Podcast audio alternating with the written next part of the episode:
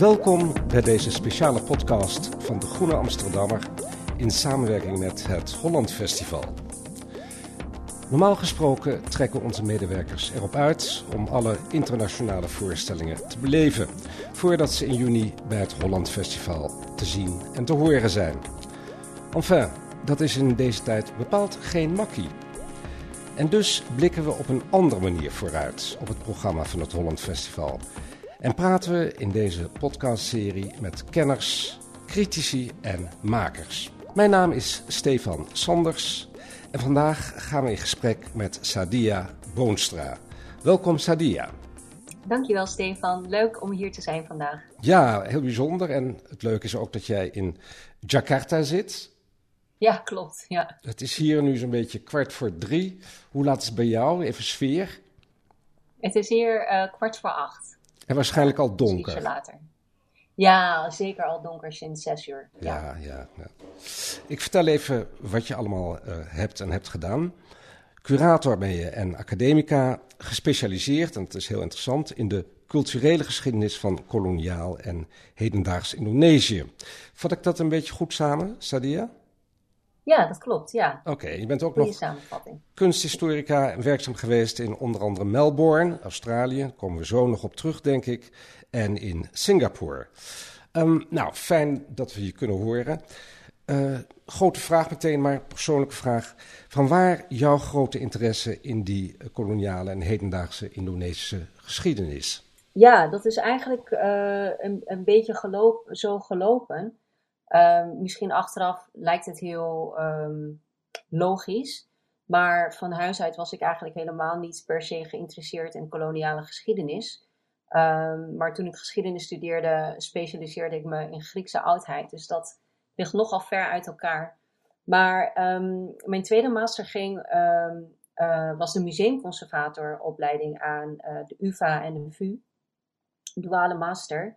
En toen heb ik voor het Tropenmuseum gekozen om daar een jaar te gaan werken. En uh, in het Tropenmuseum ontkom je niet aan de koloniale geschiedenis, uh, omdat uh, het museum um, um, opgericht is als een koloniaal museum. Ja. Dus ook de collecties zijn voornamelijk afkomstig uit voormalige koloniën, waaronder dus Indonesië. Dus het, het grotendeel, grotendeels uh, komt de collectie uit, uh, uit Indonesië. Dus toen uh, ben ik eigenlijk voor het eerst met koloniale geschiedenis en Indonesië in contact gekomen. En sindsdien is dat eigenlijk altijd zo gebleven. Er is, en, geen, er is geen persoonlijke band, geen familie uit Indonesië of afkomst of half Indonesisch. Ja, nou ja, in zekere zin wel. Ik ben in Indonesië geboren, maar ik ben geadopteerd, dus opgegroeid bij een Nederlandse familie. Um, maar via het Tropenmuseum en vervolgens mijn promotieonderzoek, dat ging over uh, de dynamiek van erfgoedvorming in Indonesië en Nederland, ben ik eigenlijk weer een soort van, ja, ben ik meer bekend geworden met de Indonesische geschiedenis en, uh, en met wat Indonesië is vandaag de dag. Nou ja, Sadia, um, dat is wel een, een gouden toeval. Want we gaan nu samen deze podcast maken. En ik ben ook geadopteerd. Half Zuid-Afrikaans oh. en half Nederlands. Ook bij een Nederlands gezin terechtgekomen, Sanders. En jij dus ook, bij de familie Boonstra. Maar ook met een Indonesische achtergrond. Dat, dat vind ik zelf ja. toch veel, veelzeggend. We gaan het hebben... Ja, ja, interessant. We gaan het hebben over de voorstelling, niet over adoptie. We gaan het hebben over de voorstelling in het Holland Festival, The Planet Element, de planeet, een klaagzang van de Indonesische regisseur Garin Nugroho. Um, hij is natuurlijk een grootheid, ook internationaal. Uh, hij heeft ook uh, eerder in het Holland Festival gestaan. Um, wat, wat is dat voor een man, Garin Nugroho? Ja, Garin is inderdaad, zoals je zegt, echt een grootheid. Hier ook binnen Indonesië. Hij is echt beroemd. Een, uh, ik zou zeggen, een briljante filmmaker, filmdirector. Um, en hij is, zijn werk is wat het bijzonder maakt, is dat hij ook heel erg uh, sociaal en politiek geëngageerd is. Uh-huh. Dus alles wat hij doet is uh, via cultuur, maar heeft altijd wel een sociale en politieke lading. En daarin gaat hij geen um, moeilijke onderwerpen uit de weg. Dat... Maar hij kan het in zijn werk op zo'n manier poëtisch verfilmen, dat, um, dat hij er toch nog altijd mee wegkomt. Want als we het over The Planet hebben, wat is, het is een ingewikkeld verhaal, het is ook een heel veellagig verhaal, maar wat is in het kort het idee van die voorstelling? Ja, ja, we zouden daar inderdaad uh, op verschillende manieren over kunnen praten. Maar als je het hebt over het verhaal, dan is het verhaal um, eigenlijk niet, niet heel ingewikkeld. Het gaat eigenlijk over, um, over overleven na een ramp. Dus er is een verhalenverteller, die wordt gespeeld door Septina Layan. Dus de, de vrouw die de klaagzangen zingt. Uh, zij is eigenlijk een soort van de verhalenverteller. En het uh, verhaal speelt zich af na een ramp. En het is niet zo goed duidelijk of dit een ramp is, uh, een natuurramp is, of dat het bijvoorbeeld de nasleep is van een verwoestende oorlog of iets dergelijks. Maar voor het verhaal en de voorstelling maakt het niet zo heel veel uit. Uh, wat belangrijk is, is dat er maar één persoon de ramp heeft overleefd. En dat is een man. En de verteller geeft deze man een ei. En het ei is heel belangrijk in, in het verhaal. Dat is namelijk het symbool voor een nieuw leven. En uh, de opdracht is dat um, de opdracht van de man is dat hij het ei beschermt en een manier moet vinden om het uit te laten broeden, zodat, zodat nieuw leven weer mogelijk is. Nou is het, dat verhaal is inderdaad, zoals je het nu samenvat, heel overzichtelijk. Maar wat interessant is, lijkt me, is dat Nugroho ook een, het is een Papuaanse uh, volksmythe. Hij werkt ook samen met een cast uit Indonesisch Papua. En ook met mensen uit Oost-Noora Tenggara. Ik, ik, weet trouwens niet eens waar dat ligt. Waar is dat, Oost-Noora Tenggara? Uh, dat is in het oosten van Indonesië. Dus als je zeg maar voorbij Bali nog verder naar het oosten gaat, dan kom je, kom je Flores tegen. Ja. Um, en um, en Oost-Nusa dat is, uh, Flores valt daar volgens mij ook nog onder. En dan heb je nog het eiland Timor, wat nu onderverdeeld is in een Indonesisch deel in het westen en Timor-Leste in het oosten. En dat is ook nog uh, uh, Oost-Nusa. Dus we hebben uh, mensen uit Indonesisch Papua, nog verder dan Flores, zeg maar even voor mijn gemak. Ook nog een artistiek team uit Australië. Dat zijn een heleboel verschillende etnische groepen. Je zei net dat hij zo sociaal en politiek geëngageerd was, Nugo. Ja. Dit lijkt mij ook gevoelig te kunnen liggen in Indonesië. Dat klopt. En ik denk uh, dat die gevoeligheden ook soort van doorklinken in het werk, of in ieder geval in de kaas. Dus wat, um, wat Garin heeft geïnspi geïnspireerd is onder andere, hij heeft verschillende inspiraties eigenlijk voor het werk. Ten eerste zijn dat processies. Uh, die heeft hij gezien in Procida, in Italië, maar bijvoorbeeld ook in Larantuca in Flores. Dus dat is één belangrijk onderdeel van de show. Uh, en vervolgens ook, wat belangrijk was voor hem, was de inspiratie en de muzikale wortels uit Oost-Indonesië en Melanesië. Dus de klaagzang die je hoort in The Planet, um, die komt uit Oost-Indonesië. Dus dat heeft een hele speciale soort van uh, vorm en toon, um, die, die specifiek is voor, voor dat deel van Indonesië. Dus die twee dingen waren echt van heel groot belang voor, voor Garin. Dus wat hij ook belangrijk vond, is dat de cast van de, van de voorstelling dat ook zou weerspiegelen. Dus vandaar dat hij echt op zoek is gegaan naar een koor uit, uh, uit uh, Oost-Nusa Tenggara, de Masmur. En heeft samengewerkt met Satina Layan, dus de, um, de componist van de klaagzangen in het werk. Um, maar zoals je inderdaad zei, is dat niet uh, geheel um, ongevoelig, omdat de, de politieke um, de politieke status van West-Papua erg gevoelig ligt, erg gevoelig ligt binnen Indonesië. En voorstanders van een onafhankelijk Papua zien Indonesië als een uitbuitende en bezettende macht over een regio die zich in um, bepaald opzicht um, beter voelt aansluiten bij, Melanesië en het Pacifisch uh, gebied. Um, ja, dat, dat ligt eigenlijk de grondslag aan de gevoeligheid. En als je dat soort van doortrekt naar de voorstelling zelf en kijkt naar de samenstelling van de cast en het verhaal, dan zie je dat uh, heeft geprobeerd om daar dus dansers uit Papua in te laten optreden en dus het koor uit Kupang, uit Oost-Nusa Tenggara. Uh, en al die verschillende mensen op één podium te, te brengen. Maar er, zijn ook, uh, er is ook een danser uit Java, Rianto, um, op zichzelf ook een beroemde uh, danser. En het verhaal gaat dus dat het verhaal gaat over die man die aan het overleven is met het ei. Maar er zijn ook natuurlijk ehm, er zijn natuurlijk ook nog anderen die uit zijn op het ei. En dat zijn dan de zogenaamde eters. En die worden verbeeld door uh, de Papua-dansers. En in het verhaal. We kunnen uh, misschien even een, ja. een kort fragment laten horen. Want je, je vertelt inderdaad, er is een koor, een 15-stemmig koor. Er zijn dansers, er wordt ook gebruik gemaakt van film. Ik stel voor dat we even een stuk luisteren naar het koor.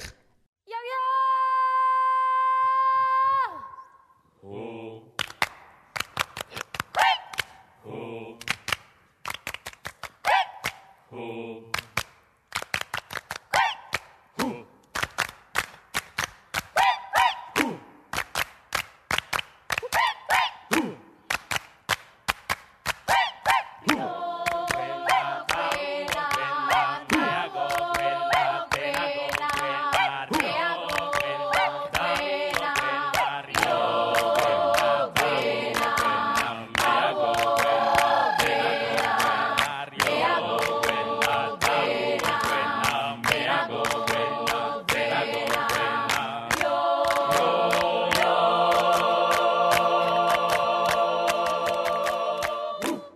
Fijn om even wat muziek te horen, Sadia. Het geeft toch meteen soul en body aan de planet. Dan weten we tenminste waar we het over hebben. We horen hier een heel imposant koor. Wat is dat voor koor? Ja, inderdaad. Echt superleuk om uh, dit fragment weer te horen. En sowieso ook om, om uh, herinneringen op te halen. En dit koor um, is Masmu Korala uit Kupang, dus uit Oost-Nusa Tenggara.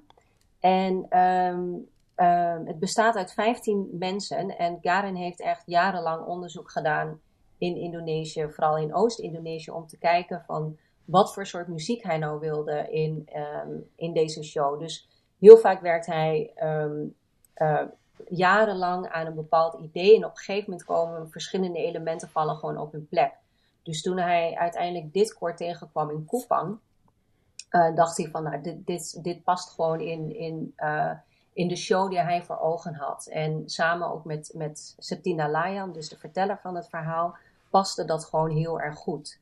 En um, hoe het werk eigenlijk is opgebouwd, is dat de planet bestaat uit tien verschillende liederen, dus ofwel klaagzangen ofwel koralenliederen. En ieder lied, ieder lied vormt eigenlijk de achtergrond van een scène. Dus ieder lied is een scène waartegen het verhaal zich afspeelt. Dus het koor heeft ook zelf een soort van rol in de verhaallijn. En soms zijn ze, stellen zij zich echt op als koor of zijn ze een soort van muziekmakend, uh, muziekmakende groep die de dansers ondersteunt. Maar soms treden ze ook op als half soort van, half soort van dansers in, in de uh, choreografie van het werk. Dus dat is ook wel interessant. En wat zo mooi is, uh, het klinkt ongelooflijk bekend, gek genoeg. Terwijl ik heel weinig weet van de muziek uit uh, Oost-Indonesië. Uh, het, het, klinkt op mijn, op mijn gehoor, hè, het eerste gehoor, ook een beetje Zuid-Afrikaans, zoals we dat kennen uit de platen, bijvoorbeeld van Paul Simon, die veel met Zuid-Afrikaanse koren heeft gewerkt. Maar er, er zit dat mooie, dat dwingende ritme in en, en die samenzang. Um, je had het net over de dansers ook. En je had het over, specifiek over Rianto. Dat is een bekende Indonesische danser. Vorig jaar in het Holland Festival was er een film van Garin. En dat was Memories of My Body. Uh, dus ook van uh, Nagoro. En die ging speciaal over Rianto. Althans, het was een, een, film over een jonge danser, een Javaanse danser, die uh, al dansend, traditionele dansen doend, zijn seksuele identiteit ontdekt. Um, nogmaals, we hadden het net al over die verschillende etnische groepen die in The Planet worden gebruikt. vorig jaar dus die film, althans in het Holland Festival, Memories of My Body over een jonge danser die zijn seksuele, uh, ja, seksuele richting ontdekt. Het lijkt me niet eenvoudig in een land met steeds striktere sociale normen. Ja, dat klopt. Daar heb je helemaal gelijk in. En, en, en toen ik zojuist, uh, toen ik eerder refereerde aan het feit dat daarin uh, sociale en politiek gevoelige onderwerpen niet uit de weg gaat, had ik inderdaad ook Memories of My Body in gedachten. Dus dat is inderdaad één zo'n voorbeeld waarin hij ehm, waarin hij aandacht wilde besteden aan ehm, verschillende, verschillende soorten gender. Dus hij wilde het mogelijk maken het om te visualiseren en dat mensen zich zouden kunnen voorstellen dat er gewoon nog andere manieren zijn om uh, om over seksualiteit, seksualiteit te kunnen nadenken en, en dat ook te beleven. En dus hij, voor die film was hij geïnspireerd door het leven van Rianto en wie Rianto is. En het feit dat Rianto um, zichzelf zowel man als vrouw voelt. Die beroemde uh, danser, hè? Ja. Precies, de beroemde danser Rianto. Dat, dat hij dat beide in zich heeft en die beide zijden van hem um, ook durft te laten zien op op verschillende momenten wanneer hij dat zo voelt. En dat zijn dingen die Garin dus niet uit de weg gaat. En um, voor de planet denk ik dat had hij ook in gedachten dat het, het samenbrengen van um, kunstenaars vanuit Oost-Indonesië, uh, Papua, West-Papua en Oost-Nusa Tenggara, om die samen op het podium te brengen, dat is iets nieuws. Dat gebeurt eigenlijk nooit. Juist omdat um, deze, deze mensen uit gemarginaliseerde groepen uh, weinig voor het voetlicht komen en zeker op cultureel gebied. Nou, vraag me wel af, nou je dat allemaal verteld hebt, zowel over The Planet als Memories of My Body, die film over die danser. Hoe, hoe, ja, hoe blij zijn ze in Indonesië, althans is de Indonesische regering of zijn de officials in Indonesië met Garin Nugroho? Ja, dat is wel een interessante vraag die ik, me, die, die ik hem ook wel eens heb gesteld en, en me, doorlopend afvraag van hoe doet hij dat. Maar Garin is um, ook heel goed, hij, ik denk dat hij heel goed is in politiek. Dus hij weet heel goed hoe hij uh, relaties moet opbouwen en moet onderhouden. Zeker over gevoelige onderwerpen zoals dit. En hij zorgt er dus altijd voor dat hij het op zo'n manier verpakt dat het toch ook weer niet um, um, een bepaalde grens over, overschrijdt. En als hij dat wel doet in de ogen van bepaalde gemeenschappen hier in Indonesië, dan is, die ook, is hij ook niet bang om met hen een dialoog aan te gaan. Dus dan, um, dan neemt hij gewoon uitnodigingen aan om in discussies te gaan over die film bijvoorbeeld. Uh, met islamitische groeperingen. Die de film als aanstootgevend uh, zien bijvoorbeeld. Dan, uh, dan gaat hij daarheen en dan gaat hij die dialoog aan. Het is eigenlijk ook nog een, een politicus en een sociaal werker en een groot kunstenaar, als ik het zo begrijp. Ja, ja. ja klopt. Ja. We gaan even terug naar The Planet, waar het hier nu om te doen is, dit keer in het Holland Festival. Uh, het, het, werk dateert eigenlijk uit 2017, dus ruim voor corona. Uh, het gaat dus over de gevolgen van een grote natuurramp, een tsunami. Maar de première was in Melbourne, uh, Australië. En dat was, ik meen in 2018, hè, als ik het goed heb. Nee, vorig jaar. Vorig jaar, 2000... in 2020. 20. Dus dat was net na de grote bosbranden, geloof ik, in Australië, Melbourne toen. Ja, ja, klopt, ja.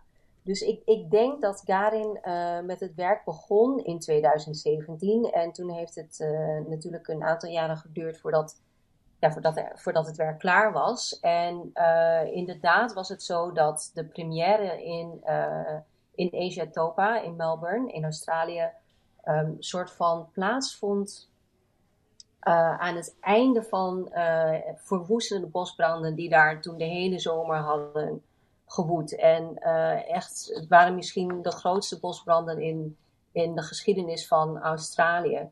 Dus um, op dat moment dat in februari 2020 uh, um, The Planet premierde, um, was het eigenlijk een moment. Um, de Australiërs voelden het zo, weet je, ze hadden net die bosbranden overleefd, uh, maar waren echt getraumatiseerd door de schaal daarvan en ook door, door de verwoestende kracht van, van, van die branden. Daar, er waren volgens mij uh, naar schatting 3 miljard, dieren die waren ofwel ontheemd of gedood. Uh, wat gebeurde dus in die, in die maanden daarvoor. Dus toen de Planet uh, in première ging, um, het was eigenlijk een soort van een moment en een, een, misschien een, een kans ook voor het Australisch publiek om um, door het kijken naar de, naar de Planet, de Lament, die verwoestende uh, bosbranden te kunnen betreuren. Dus het is een soort van het was eigenlijk een moment waarin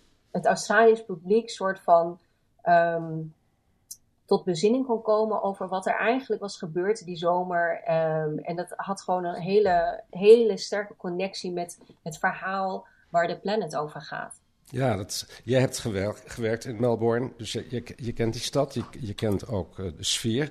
Uh, wij zitten natuurlijk nu, de hele wereld, nog steeds midden in COVID-time.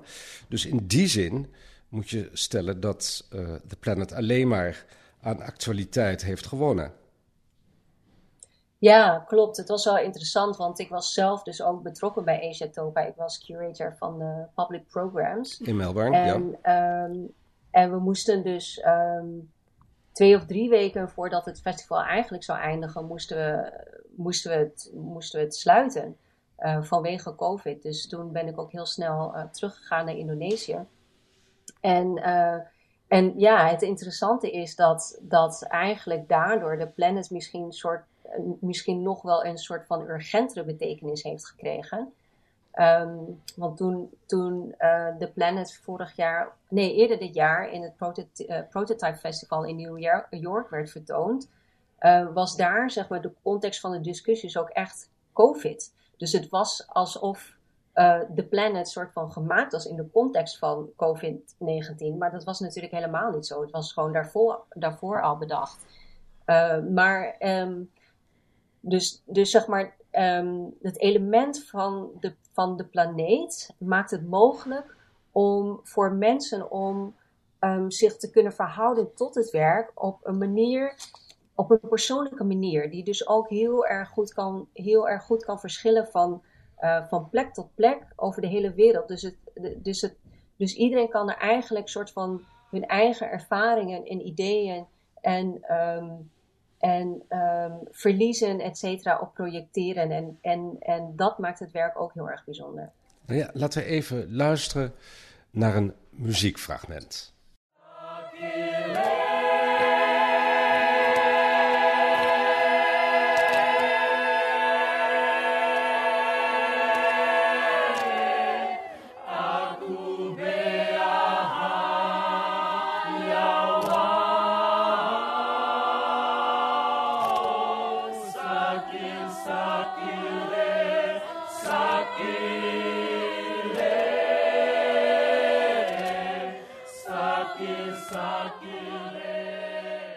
Ja, Sadia, ik, ik hoorde hier toch iets als een lament, echt een klaagzang.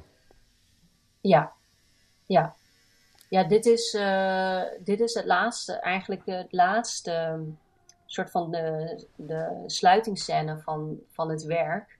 En um, ja, en het is inderdaad een klaagzang. En het werk opent ook met een klaagzang. En er, vinden, uh, er, ja, er zijn een aantal klaagzangen in, in het hele werk te beluisteren.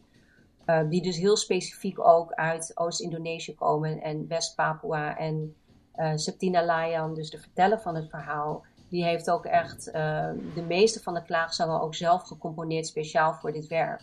Jij bent gespecialiseerd, Sadia, in het koloniale erfgoed van Indonesië. Nou vroeg ik me af, Karin is natuurlijk een heel bekende man in Indonesië. Speelt die, die Nederlandse periode van de Nederlandse uh, kolonisatie, speelt dat nog enigszins door, bijvoorbeeld in zijn werk of in, misschien zelfs in dit werk, in The Planet? Um, ja, in zekere zin denk ik wel. Um, zoals je net zei, dat um, sommige van de muziek jou ook wel bekend in de oren uh, klinkt, denk ik dat veel luisteraars en bezoekers van de tentoonstelling of van de voorstelling dat ook zullen, zullen horen. Ze zullen uh, bepaalde, de korale liederen in, in het stuk bijvoorbeeld, um, uh, die zitten ervoor, ja, die zijn er, die zitten erin voor om een bepaalde reden. En dat is omdat um, uh, Indonesië inderdaad een koloniale geschiedenis kent. Dus voordat de Nederlanders naar Indonesië kwamen, waren de Portugezen er ook al.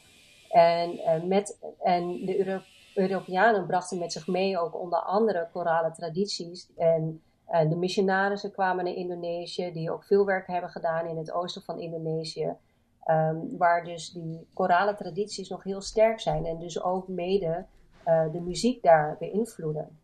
Het gekke is natuurlijk dat juist in Nederland, zeker de, de ouderen en de zeer ouderen, heel veel zullen herkennen en misschien wel het oude Nederlands-Indië voor zich zullen zien. Uh, tegelijkertijd heb ik zelf altijd het idee dat in uh, Indonesië die periode uh, van het Nederlands kolonialisme veel minder speelt. Heb heb ik daar gelijk in? Ja en nee, denk ik. Um, ik denk dat in Nederland inderdaad heel erg het idee bestaat dat de koloniale periode hier als niet belangrijk wordt gezien of dat mensen zich daar zich niet zo mee bezighouden. Maar ik denk dat het in zekere zin op eenzelfde manier geldt als in Nederland. Dat zeg maar het bredere publiek zich niet per se bezighoudt met uh, geschiedenis überhaupt. En al helemaal niet echt met koloniale geschiedenis.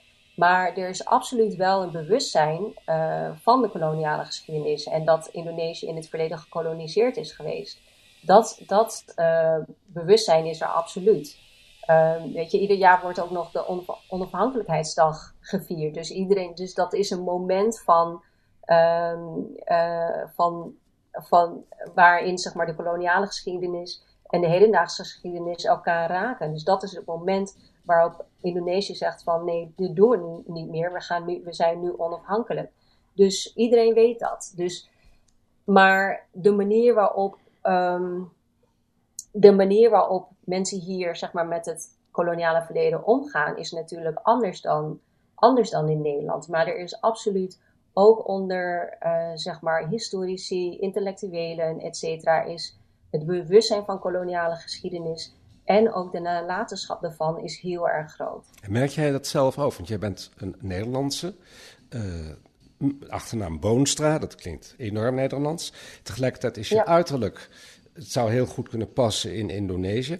Als mensen horen en merken dat jij Nederlandse bent, uh, merk jij dan iets van inderdaad, uh, nou ja, die geschiedenis, de Nederlandse geschiedenis in Indonesië? Ja, ik denk het wel. Uh, in eerste instantie is er natuurlijk meteen verwarring van inderdaad, mensen kunnen, zich, kunnen mij dan niet zo goed plaatsen. Want als je Nederlands bent, dan, dan ben je wit en niet bruin. Um, dus dat, dat roept altijd vragen op. Um, en tegelijkertijd uh, snappen heel veel mensen het ook meteen. Die denken dan, of nou niet meteen, zeg maar mijn persoonlijke situatie, maar die denken dan dat, dat ik Indo-Europees ben. Dus dat ik ofwel, um, dus eigenlijk gaat men er meteen vanuit dat mijn moeder Indonesisch is en mijn vader Nederlands bijvoorbeeld. Dus dat ik uh, een mix ben. Dus in die zin denk ik dat, weet je, dat hele idee van de Nederlandse aanwezigheid in Indonesië, dat, dat is nog allemaal aanwezig. Misschien is het voor jou als iemand die werkt in de regio ook helemaal niet onvoordelig. Hè? Je kunt makkelijker contacten leggen, kan ik me zo voorstellen. Uh, ja, ik denk dat het voor- en nadelen heeft. Um, uh, maar ik denk wat, wat uh, in ieder geval wat ik als voordeel ervaar, is dat ik die beide kanten heb. Dus dat ik inderdaad en Indonesisch ben en Nederlands. Dus dat ik me ook goed kan inleven en invoelen in beide situaties. Dus um, ja, ik ben, ik kan, ik kan, ik ken de situatie van Nederland en uh, van een voormalige koloniserende macht. En ik ken de situatie van Indonesië en de situatie van een regio die eerder gekoloniseerd is. Dus dat maakt voor mij, denk ik, uh, mijn werk ook zo interessant. Dus dat ik um, veel dingen van verschillende kanten kan uh, bekijken en begrijpen. Ja, Um, nog even tot slot. Jij zei dat je al. Je hebt contact gehad zelf persoonlijk met Garin Nugroho. Hoe zou je hem heel kort omschrijven? Wat voor man is het? Je hebt al gezegd, het is een groot kunstenaar, internationaal aanzien. Het is ook een soort van politicus. Het is ook een sociaal werker, omdat hij zo goed allerlei verschillende groepen in Indonesië weet te verbinden. Hoe zou je hem uh, heel kort typeren als mens? Wauw, dat is eigenlijk wel een moeilijke vraag. Je hebt uh, volgens mij alle elementen opgenoemd die, uh, um, die ik zou bedenken bij Garin. Maar ik denk wat hem bijzonder maakt en, en briljant is. Ja, hij is echt een groot kunstenaar, kunstenaar maar dat weet hij, dat kan hij zijn.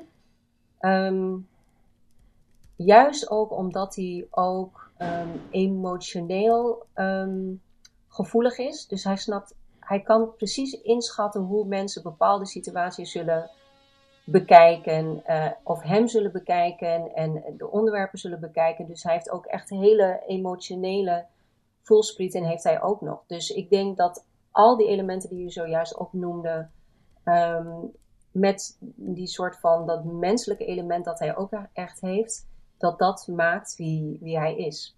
Groot kunstenaar, kleine politicus, klein sociaal werker en een groot empathicus. Iemand die zich heel goed kan inleven. Dankjewel, uh, Sadia Boonstra. Het is bij jou nu zo'n beetje, wat is het nu, kwart over acht, hè, denk ik? Ja, ja, klopt. Nou, echt een, mooie, tropische, donkere nacht. Bij ons is het nog steeds, nou ja, zo'n zo halve... Het weer van alle mensen, zoals Gerard Reven zegt, zo'n halve zachte middag in uh, het voorjaar, wat niet echt voorjaar wil worden. Ik wil je heel hartelijk bedanken, Sadia Boonstra, voor dit gesprek. Graag gedaan.